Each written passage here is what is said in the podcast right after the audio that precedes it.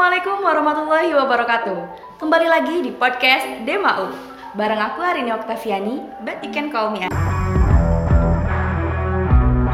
Arin Para pendengar setiap podcast Demau gimana nih kabarnya?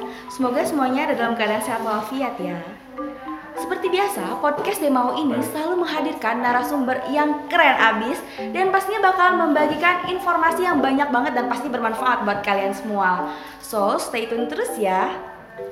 Oh iya, kalian ngerasain gak sih akhir-akhir ini Bandung sering diguyur hujan?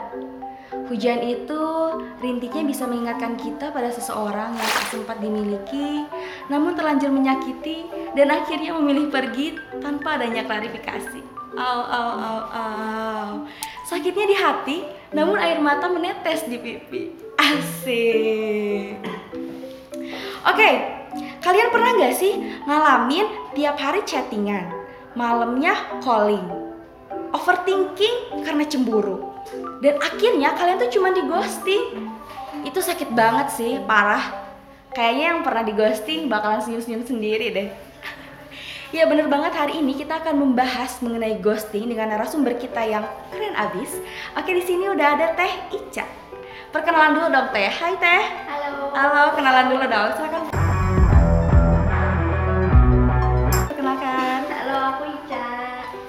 Panggilannya Ica ya? Panggil Ica. Panggil Ica. Oke, kalau misalkan ada yang mau panggil sayang boleh? Enggak dong. Oh enggak, saya jangan dulu. Harus kenal dulu lebih jauh ya. Lebih jauh dulu. Oke, nama panjangnya siapa sih Teh? Namanya aku Nur Anissa. Nur Anissa Afiati. Oke, for your information, Teh Ica ini merupakan Komisi 2 SEMA F Psikologi, betul Teh? Betul. Betul. Dan pas banget nih, hari ini kita akan membahas mengenai ghosting dan ada Teteh dari jurusan psikologi. Jadi kita bisa lebih mengetahui tentang psikolog gimana orang-orang yang terkena ghosting ataupun orang yang mengghostingnya. Oke, Teteh. Em, kita mulai aja ya, Teh ya. Boleh? Ghosting. Akhir-akhir ini kata ghosting itu sedang ramai diperbincangkan. ghosting itu apa sih?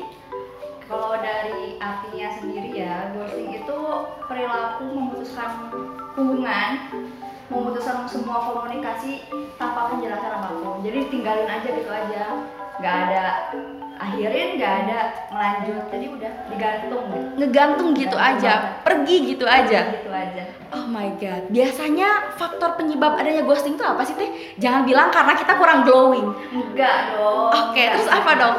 Biasanya orang-orang yang ngeghosting ini ya, Ya. dari yang aku baca, artikel yang aku baca, biasanya mereka tuh menghindari yang namanya perdebatan. Oke.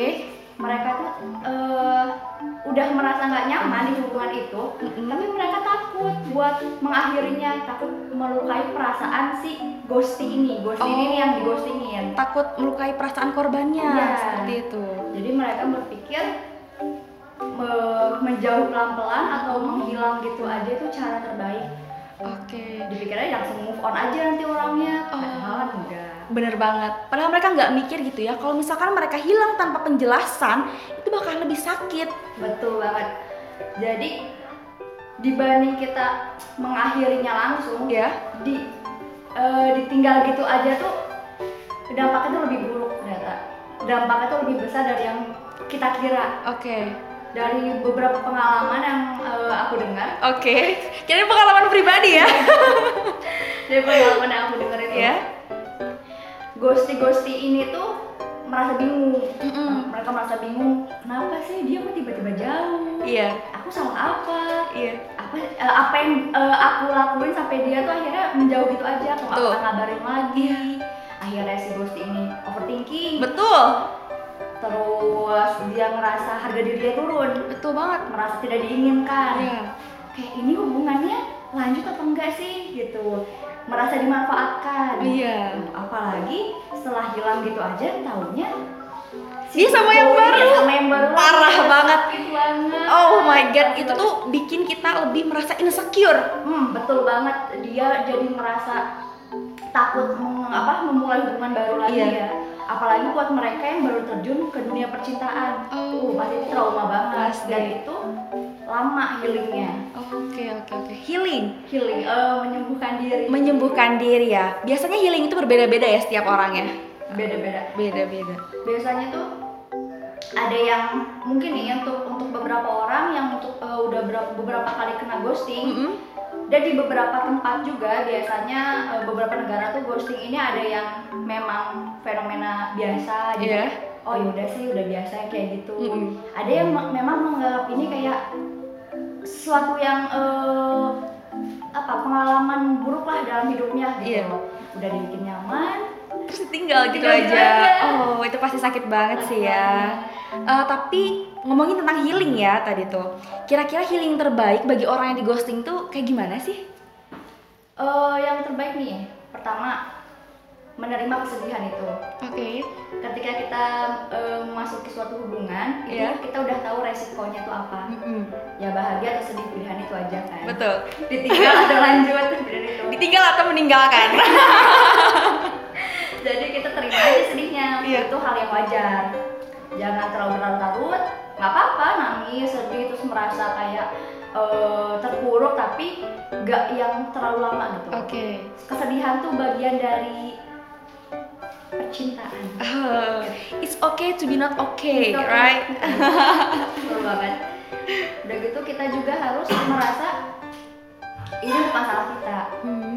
Itu hak mereka yang mereka akhirnya pergi merasa gak nyaman itu sepenuhnya hak mereka gitu. Iya. Dan itu bu- bukan ada yang salah dari kita. Kan banyak yang merasa kayak oh berarti aku kayaknya emang gak layak dicintai. Iya, gitu. oh my God. Itu kan sakit banget ya. Iya. Enggak, itu bukan salah orang-orang ini. Kita harus yakinin pada diri kita kayak oh mungkin emang kita nggak ditakdirin bareng aja gitu. Oh mungkin aku bukan eh soulmate-nya dia Iya. gitu. Jadinya ya udah nggak apa-apa kita terima aja. Terus kita juga lebih fokusin sama diri kita. Betul. kayak udah bahagiain diri sendiri aja dulu. Iya, lebih baik kita mencintai diri kita Betul sendiri banget. dulu sebelum kita bisa menerima Mencintai orang lain iya. ke dalam kehidupan kita. Oke, Teh Ica, sebenarnya ghosting itu hanya ada dalam romantisme percintaan saja atau bisa dalam hal lain ya? Bisa dalam hal lain dalam pertemanan, Oke, dalam jual beli juga ada ghosting. oke. Nih buat mbak mbak all shop nih pasti ada banyak banget yang ngerasain ini. Hmm, hmm. misalnya udah tanya-tanya, Mm-mm. udah mau deal nih, udah mau ditanya pembayaran atau apa, Iya. pokoknya nggak ada, nggak dibatalin, nggak dilanjutin, Iya. pergi itu kan buat para penjual osop juga bingung dong. Pastinya. Nah, itu juga Iya. ghosting. Kalau di pertemanan, nah pertemanannya ada juga ghosting. Mm-mm. Ini tuh di dalam pertemanan identik sama hubungan platonik. Apa tuh hubungan platonik? Jadi hubungan platonik itu hubungan antara pria dan wanita, tapi ada bumbu-bumbu kasmaran di dalamnya. Oh. friendzone gitu. Friendzone. Oke, Nah. oke, oke. Kenapa bisa jadi ghosting? Iya. Jadi emang bukan rahasia lagi kan kalau misalnya hubungan antara pria dan wanita itu jarang ada yang benar-benar pure sahabat atau berteman. Pasti salah satunya ada yang memiliki rasa. Pasti. Oh my god. Pasti Betul banget. Kalau misalnya salah satu memiliki rasa, Iya. dia nggak bisa nahan nih. Mm. Apalagi si doinya tuh udah punya. Iya. Kan dia ngerasa kayak aku suka tapi aku teman tapi aku juga nggak bisa ngeliat dia tuh Sama yang lain. lain.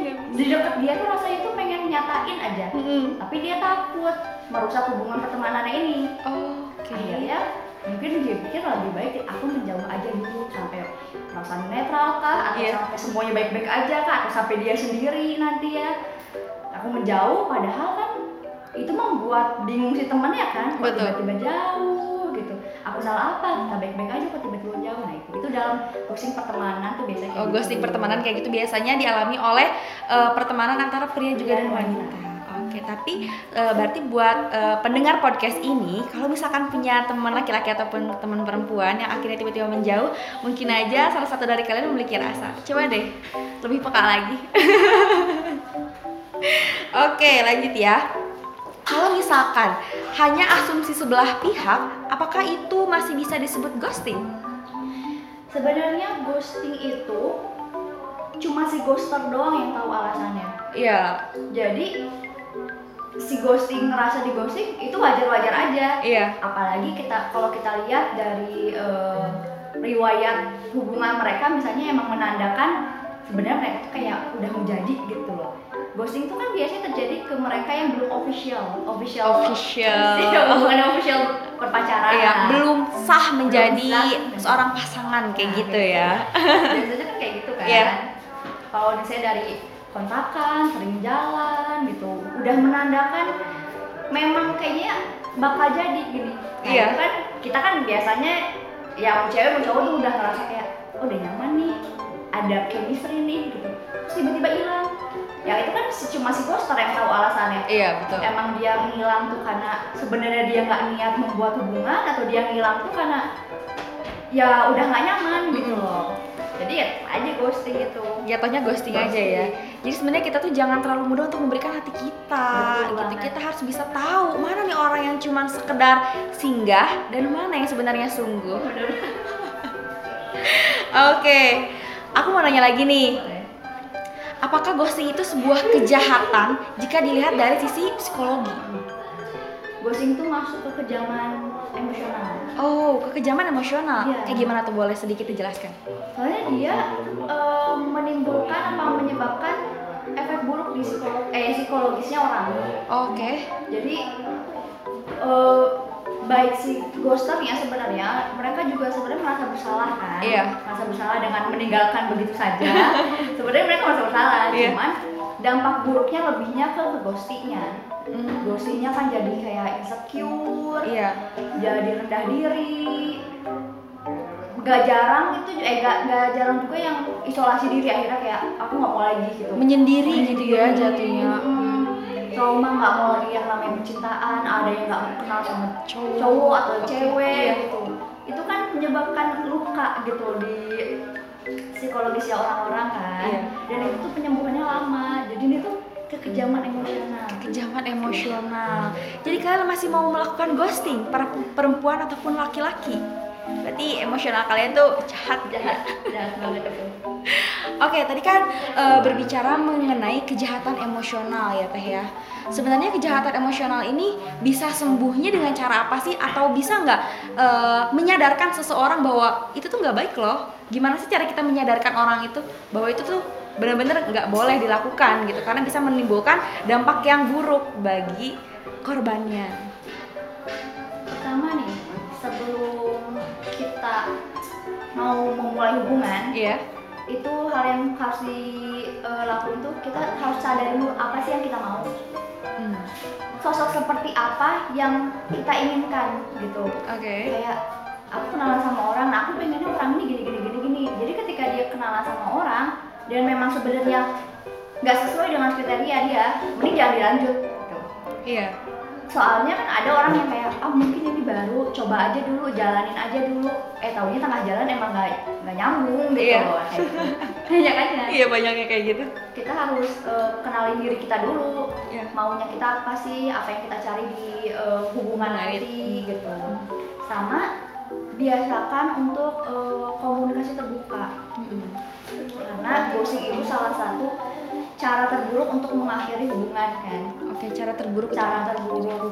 nah kita biasanya untuk kalau mau memulai hubungan kita harus terbiasa sama namanya komunikasi terbuka. Iya, komunikasi itu penting banget kan hubungan tuh. Betul banget. banget. Kalau misalnya memang sudah nggak bisa lanjut ya katakan gitu. Karena lebih baik diakhiri saat itu juga sakit di saat itu tapi kita bisa lanjutin lagi hidupnya.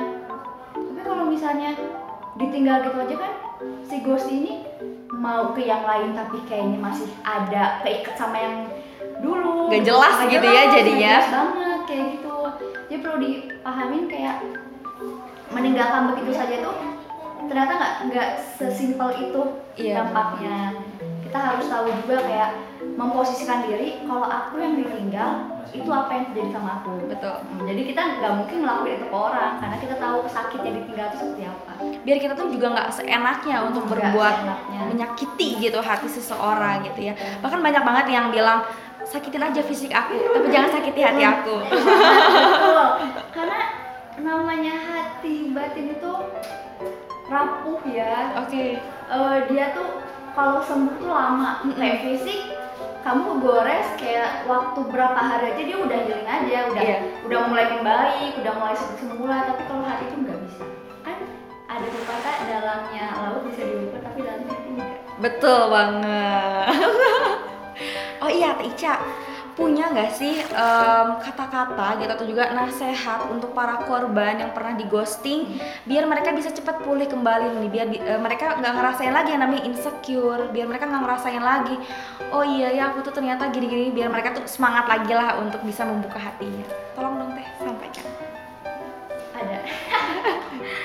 Jadi untuk teman-teman korban ghosting nih coba untuk eh, lebih menyayangi diri sendiri aja lebih eh, gimana ya lebih jangan berpikir kayak apa pun yang terjadi di dalam hubungan kalian itu salah kalian gitu dia meninggalkan kalian itu salah kalian enggak kalian tuh berarti banget kalian itu apa ya kayak jangan pernah merubah apa yang ada di diri kita untuk orang lain gitu. Karena kalau misalnya kamu ngerasa oh kayaknya aku kurang di sini oh berarti di hubungan selanjutnya aku mau rubah diri aku aku nggak akan cerewet lagi misalnya kayak gitu. Jangan. Karena seburuk apa pun kamu sebaik buruknya kamu ketika menemukan orang yang tepat ya udah nggak ada yang dirubah lagi. Walaupun ada yang dirubah itu cuma demi kebaikan kamu aja bukan untuk keinginan dia kayak gitu. Jadi lakukan sesuatu tuh untuk diri sendiri dulu baru kita bisa eh, lakuin hal yang lain buat orang jadi jangan jangan pernah merubah apa pun di diri kalian untuk orang lain untuk hanya untuk bisa diterima sama orang lain karena orang yang tepat bisa sama kalian apa adanya Oke, mengerikan sekali ya. Betul banget sih Teh ya. Kalau misalkan em, kita berusaha menjadi orang lain untuk sese- demi seseorang yang kita cintai, ya dia nggak bisa nerima kita padanya. Tenang aja, one day orang yang tepat itu bisa datang ke dalam hidup kita dan dia bakalan lebih merasa bersyukur karena dia telah memiliki kita sebetulnya.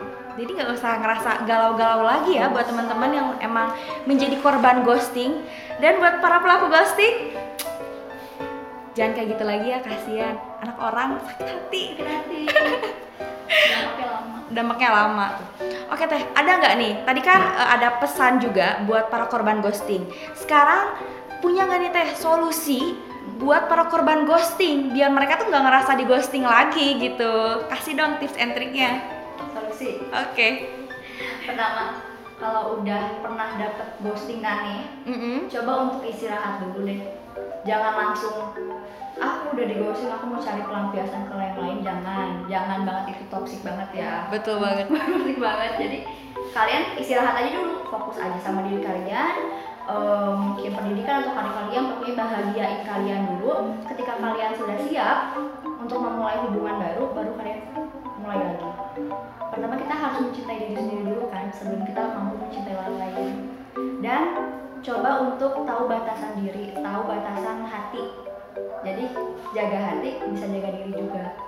Kalian harus tahu mana yang memang orang itu serius mana yang emang dia cuma mencoba peluang doang kita harus tahu juga gitu. Jadi biar kita nggak mensalah artikan perilaku orang ke kita oh itu dia baik eh, chatan terus. Padahal chatannya sebenarnya gitu gitu aja gitu. Nggak nggak yang Yang- intens banget yang gitu, gimana gitu, ribet gitu ya. terus eh, sering jalan. Padahal sering jalan sebenarnya temen juga jadi gitu nah jangan mudah terbawa perasaan gitu. Jadi Iya. kita tahu oh memang dia orangnya baik. Dia memang orang eh, orangnya baik ke semua orang gitu nggak ada eh, alasan buat aku merasakan hal seperti itu gitu jadi oh yaudah kayaknya dia emang kayak gitu ya tapi kalau misalnya dia emang terlihat menspesialkan kamu barulah boleh kamu kayak buka sedikit sedikit jangan buka semua Iya. ada ada batasannya Ada juga ya. juga ada tahap-tahapnya Ada tahapan, jangan langsung kasih hati kalian. Tunggu dulu, slow down ya. Tapi bener banget sih tadi ada yang aku notice, eh, jangan menjadikan seseorang itu untuk eh, ngobatin hati kalian. Karena itu jatuhnya jadi pelampiasan. Malah biasa itu jahat juga. Itu jahat juga ya, Jahat juga. Menjadikan orang lain itu untuk pelampiasan. Oke, salah satu em, penyebab ghosting kan karena rasa bosan ya. bisa. Nah, dilihat dari kacamata psikologi, itu rasa bosan yang disebabkan karena ghosting tuh kira-kira kenapa ya? jadi kan setiap orang tuh eh, punya keinginan punya kebutuhan. Iya, kebutuhan mungkin eh, pengen kebutuhan dimiliki terus kebutuhan eh, kenyamanan keamanan nah bisa jadi itu nggak dia dapatin di hubungan itu Oke. jadi ketika awal-awal kan biasanya awal-awal tuh masih asik-asik tuh kan Iya. chat-chatan kalau ngidul apa aja tuh asik gitu tapi setelah mungkin jalan dua bulan dia merasa apa yang aku butuhin tuh nggak terpenuhi gitu Hmm. akhirnya merasa kayaknya kalau gini-gini terus gak enak nih gitu loh karena ini cuman saya kayak cuman sebagai chatan eh, cerita-cerita yang bukan yang aku mau Iya. akhirnya dia merasa kayak ah bosan hubungan gini-gini aja Oke. aku nggak dapet apa yang aku mau Hmm. dia nggak bisa kasih apa yang aku butuhin Oke. tapi mereka juga belum official kan kayak masih PDKT Masih PDKT, ya, iya. PDKT. jadi nggak enak untuk kayaknya aku kan jarang tuh ada orang ya kayaknya hubungannya nggak bisa lanjut lagi kayaknya Iya. nggak akan cocok dan selesai jarang ada orang kayak gitu ada yang paling pelan-pelan mulai dari nggak pernah ngabarin mulai dari eh, nggak pernah lagi nelfon terus jadi nak sibuk tuh sebagai alasan hilang aja Pergi aja gitu ya. aja gitu Oke, dari tadi kan kita membahas dari sisi korban ya. Coba sekarang kita posisikan menjadi pelaku gitu ya, pelaku ghosting. Sebenarnya mungkin pelaku ghosting itu tidak berniat untuk mengghosting ya, tapi hanya karena mungkin tidak enak Tidak untuk enak. mengungkapkan. Nah, sebaiknya apabila kita ada di posisi orang yang merasa bosan dengan pasangan kita tapi belum official itu, kiranya lebih baik seperti apa ya? Karena kalau misalkan kita eh, memberikan apa ya kata-kata aku nggak nyaman deh kayaknya sama kamu sorry ya kita nggak bisa lanjut itu lebih sakit kayaknya jadi pilihannya tuh lebih baik kayak gimana misalkan kita ada di posisi eh, orang yang lagi deket nih gitu sama sama kita. Apakah kita harus jujur ataukah kita mending mundur pelan-pelan dan akhirnya menghilang? Lebih baik jujur sih. Lebih baik jujur. lebih baik jujur. Tapi ya bahasanya juga diperhalus dong. Iya. jangan bilang aja kamu aku bosen sama kamu kita udahan ya. Mungkin juga kayak gitu. Kita bilang aja kayak kamu merasa di hubungan ini kayak gimana sekarang? Mm-mm. gitu. Nih ini bisa didengerin ya buat teman-teman. Kalau misalkan lagi bingung di posisi kayak gitu bisa banget nih di, dikopas kata-katanya lanjutin deh. Kayak udah ngerasa garing gak sih hubungan ini gitu loh? Apa kita tuh cuman kayak senang-senang aja gitu cuman chat-chat eh, ngomongin ini itu tapi nggak ada nggak ada apa namanya nggak ada nggak ada hasil dari hubungan itu nggak nggak ada yang aku dapat kamu Iya. ada yang didapat nggak gitu Mm-mm. misalnya karena aku nggak bisa sama hubungan kayak gini hubungan yang sa- kesannya tuh main-main kita nggak ada rasa memiliki kita cuman kayak teman tapi mesra gitu. Ah, TTM, TTM. mesra. Jadi sebenarnya balik lagi ke tujuan kita untuk menjalin Iya. sebuah hubungan itu seperti apa? Apakah ke arah yang serius atau hanya sekedar main-main gitu. Jadi kalau misalkan main-main oke nggak sih kalau kita ngeghosting? nggak juga Enggak juga ya. karena kayak itu kan aku udah bilang kalau misalnya kita mau mulai hubungan kita harus tahu dulu Iya. apakah kita itu siap berkomitmen gitu loh kalau dirasa belum siap lebih baik jangan menjurus ke hubungan yang berbau asmara gitu. Oke. ya udah kalau misalnya pengen kenalan nih kita pengen cari teman aja dulu. Mm-mm. kita belum siap untuk komitmen ke hubungan percintaan. Jadiin teman aja dulu. Jadi teman kan kita bisa tahu kayak oh dia ternyata orangnya begini gitu. Dan kita juga nggak harus ada acara meninggalkan segala. Karena kita dari awal udah emang pengen berteman aja dulu gitu. Tapi kalau memang dia pengen berkomitmen Iya. lanjutin aja. Kalau misalnya dirasa emang kayaknya orangnya kurang deh gitu diomongin aja kayak kamu merasa oke nggak sih hubungan kayak gini Oke. gitu. Kamu- Jadi kita juga harus lebih eh, bijak dan juga lebih bijak, tegas nah, lebih tegas kepada pasangan kita gitu. Sebenarnya itu hubungan mau dibawa ke mana sih? nah itu hubungan mau dibawa ke mana karena lebih baik kayak oh ya udah berarti kalau misalnya si doi nya sadar nih ya dia udah nggak merasa nyaman di hubungan ini kalau misalnya mau lanjut ya resikonya kayak gimana ke depannya? Kalau misalnya udahan resikonya kayak gimana? Masing-masing tahu aja apalagi untuk eh, udah usia-usia sekarang tuh Iya betul banget. Usia kepala dua apalagi ya. Sudah ada tuntutan dari orang tua gitu kan. bukan lagi kan kita pacaran tuh kayak main-main gitu Iya. kan. Harus udah tahu mau dibawa ke mana udah tahu banget. kamu siap nggak? Kalau kita komitmennya lebih jauh. Kalau nggak siap ya lebih baik udahin Jadi jangan buang waktu Jangan gitu buang ya. waktu, bener. Karena waktu kita tuh begitu berharga, girl. Oke.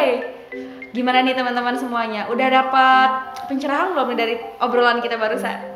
pastinya sangat menginspirasi banget sih apalagi buat teman-teman yang merasa menjadi korban ghosting please mulai saat ini kalian itu jangan pernah merasa lagi tidak berharga kalian jangan pernah merasa lagi kalau misalkan kalian itu tidak dicintai dan bahkan kalian menjadi insecure oke okay? karena setiap wanita itu pada dasarnya cantik betul Betul banget. Betul banget. Dan buat para laki-laki pun yang menjadi korban ghosting, karena sebenarnya banyak juga nih laki-laki yang kena ghosting. Sama ya, kalian juga jangan pernah ngerasa insecure, jangan pernah malu, tapi kalian harus lebih em, prepare lagi.